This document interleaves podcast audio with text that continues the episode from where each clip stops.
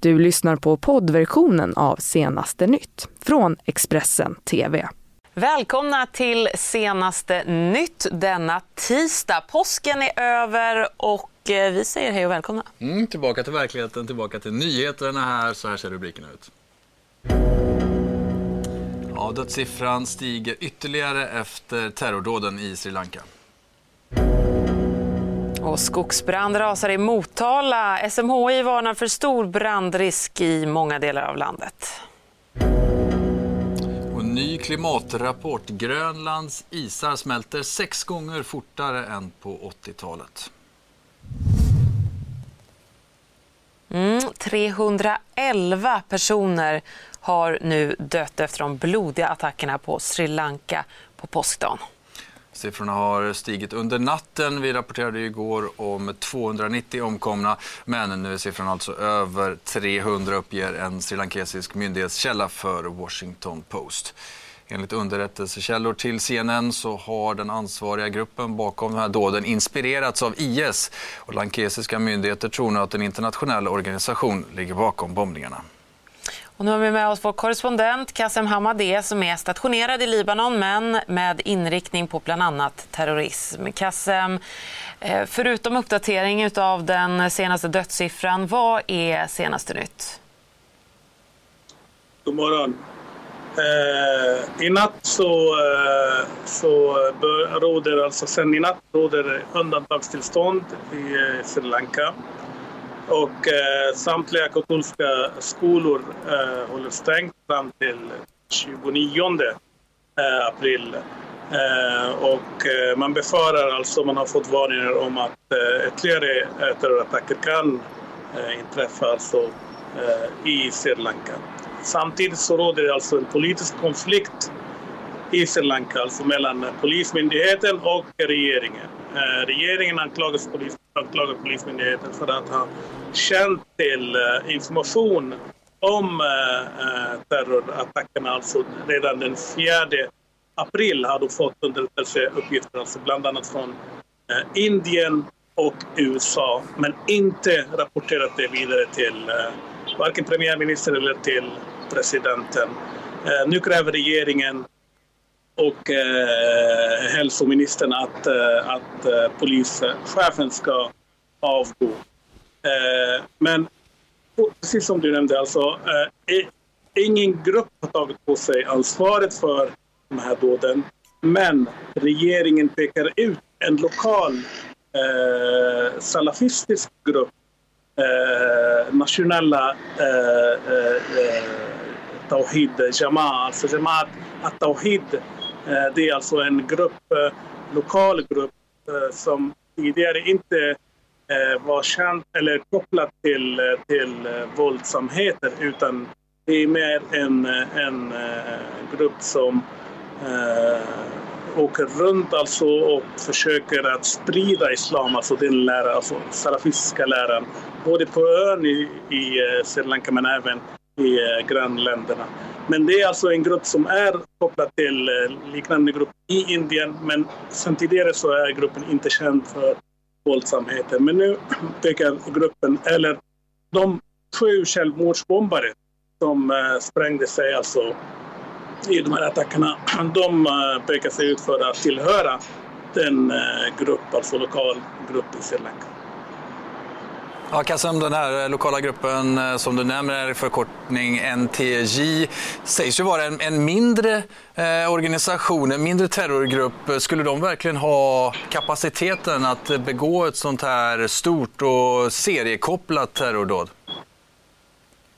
Nej, det, det tror jag inte. Men däremot, alltså, det är om det är som den eh, regeringen alltså i Sri Lanka eh, säger att eh, den här, de här attackerna är, har koppling till internationell eh, terrornätverk. Så, då har det internationella terrornätverket och eh, i så fall, alltså allt pekas på att det är IS och inte Al-Qaida.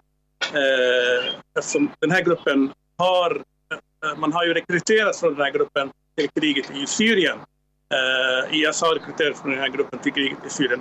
I så fall så har man rekryterat alltså självmordsbombarna från gruppen eh, hjälpt, alltså IS eller det internationella terrornätverket har hjälpt den här gruppen, eller de här medlemmarna, för att eh, man har tränat upp dem och även hjälpt dem för att utföra de här, då, de här dåden. Där har vi eh, kopplingen mellan alltså, den lokala gruppen och eh, det internationella nätverket som inte nämns i, i eh, alltså, men däremot man man talar alltså, eller, eh, eh, det mesta tyder på att det, är, det kan vara i IS. Men IS har inte tagit på sig, alltså officiellt, har inte tagit på sig eh, ansvaret för de här dåden. Precis som du säger, alltså, den här lokala gruppen varken, har varken kapacitet eh Eh, eller eh, ska säga alltså, eh, eh kan utföra så, här, så komplicerade samordnade attacker som de här attackerna. Alltså attackerna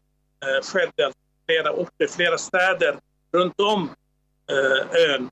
Och det kräver alltså resurser, eh, eh, inte bara alltså de som utför det här självmordsdåden eh, utan även eh, logistisk hjälp, ekonomisk hjälp, eh, underrättelseuppgifter. Det är mycket som krävs för att utföra så avancerade attacker som de här. Och där har vi kopplingen med, mellan medlemmar. Kassem Hamadeh som är eh, Mellanöstern-korrespondent och specialiserar sig just också då på terrororganisationer. Tack så mycket Kassen för den rapporten. Vidare tillbaka inrikes nu. Flera mark och skogsbränder har härjat i bland annat Småland, Skåne och Västra Götaland under påskhelgen. Det är torrt i markerna och SMHI varnar för brandrisk i hela Götaland och Svealand och eldningsförbud är utfärdat i flera rapporter. Nu ska vi få en rapport om branden i Källmo norr om Motala där räddningstjänsten fortsatt att försöka begränsa den fyra hektar stora skogsbranden. Alex Ljungdahl, du är på plats i Östergötland. Vad kan du berätta? Ja, precis, det stämmer. Jag bevakar den här branden eh, till småtimmarna här i natt. Vid 02-tiden så lämnade jag det här brandområdet faktiskt eh, och då hade man fortfarande inte den här branden under kontroll. Eh, jag pratade med insatschefen där på plats som precis hade fått avlösning som, som hade fullt upp med att få reda på alla, alla, all manskap som var ute i det här skogsområdet och, och helt enkelt så tog man nya tag då Um, under, under den tidiga natten, i, i natten mot idag alltså. Eh, och det var ju en, en brand som, som initialt sett skulle vara 200 gånger 200 meter eh, när räddningstjänsten fick det här larmet men som spred sig då ganska kraftigt i och med att eh, vindarna var relativt starka på dagen igår. Lyckligtvis så, så la sig vindarna något fram på kvällen och man, man kunde då arbeta med bekämpningslinjer för att då förhindra den här brandspridningen och man arbetade med traktorer och, eh, och eh, helt enkelt eh, eh, la vatten över stora områden då för att kunna, eh, innan branden nådde dit helt enkelt, för att kunna begränsa den när, när den så väl gjorde det. Så att det var en, en brandspridning fortfarande sent in på natten här. Vi har inga uppgifter än så länge hur det ser ut nu in på morgontimmarna nu när det har blivit ljust. Men så som det såg ut igår när jag lämnade så, så eh, håller jag Eh, så tror jag verkligen att det fortfarande brinner där på platsen. Men, men härifrån Östergötland så bevakar vi ju alla de här bränderna här nu under, under dagen eh, och, och ser hur det går helt enkelt. Nere i Småland så har man ju haft eh, eh helikoptrar som vattenbombar eh, områden och det var en tanke man hade också även här i Östergötland men eh, man eh, kom fram till att man, man bekämpar den här branden bäst med markpersonal. Tack för det Alex Ljungdahl. Vi har ju först i minnet eh, de bränder som härjat runt om i landet de senaste åren. Vi hoppas att detta inte utvecklar sig till något liknande. Men det har ju varit torrt i skog och mark under de senaste veckorna och eh, det är fortfarande värme som hänger i luften. Till helgen kan det finnas chans för lokala skurar enligt SMHI, framförallt då i västra Sverige. Vi får verkligen hoppas att det begränsar de här bränderna som redan blossat upp. Alltså. Mm. Jag sitter och knappar på tangenterna här för att i senaste nytt så uppdaterar vi ständigt våra nyhetsuppdateringar. Och och eh, nu till Danmark där två män har gripits misstänkta för det grova rån som begick i, begicks i Lund i fredags. Det här rapporterar Sydsvenskan. Båda männen har begärts utlämnade till Sverige enligt Filip Nilsson som är inre befäl vid polisen i Lund. Han säger det till tidningen. En man i 65-årsåldern misshandlades vid rånet och fördes till sjukhus med lindriga skador. Så eh, ska vi prata lite om klimatet. Stämmer. För Grönlands isar smälter nu sex gånger fortare än på 80-talet. Det här framgår av en ny studie som AFP och även CNN refererar till. Med hjälp av satelliter, väderstationer och klimatmodeller så har forskarna kommit fram till att uppvärmningen av Grönlands isar då lett till att havsnivån faktiskt redan stigit med 13,7 mm sedan 1972. De här klimatförändringarna kommer då att leda till att kuststäder över hela världen hotas. Och den kanske starkaste symbolen för kampen mot klimatförändringarna just nu är vår egen Greta Thunberg.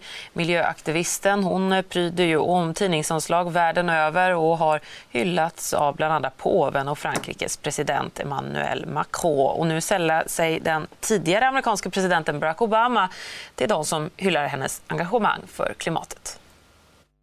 För att fira Earth Day som inträffar den 22 april och handlar om att uppmärksamma världens miljöproblem väljer Barack Obama att hylla unga klimataktivister. Bland dem svenska Greta Thunberg, 16 år.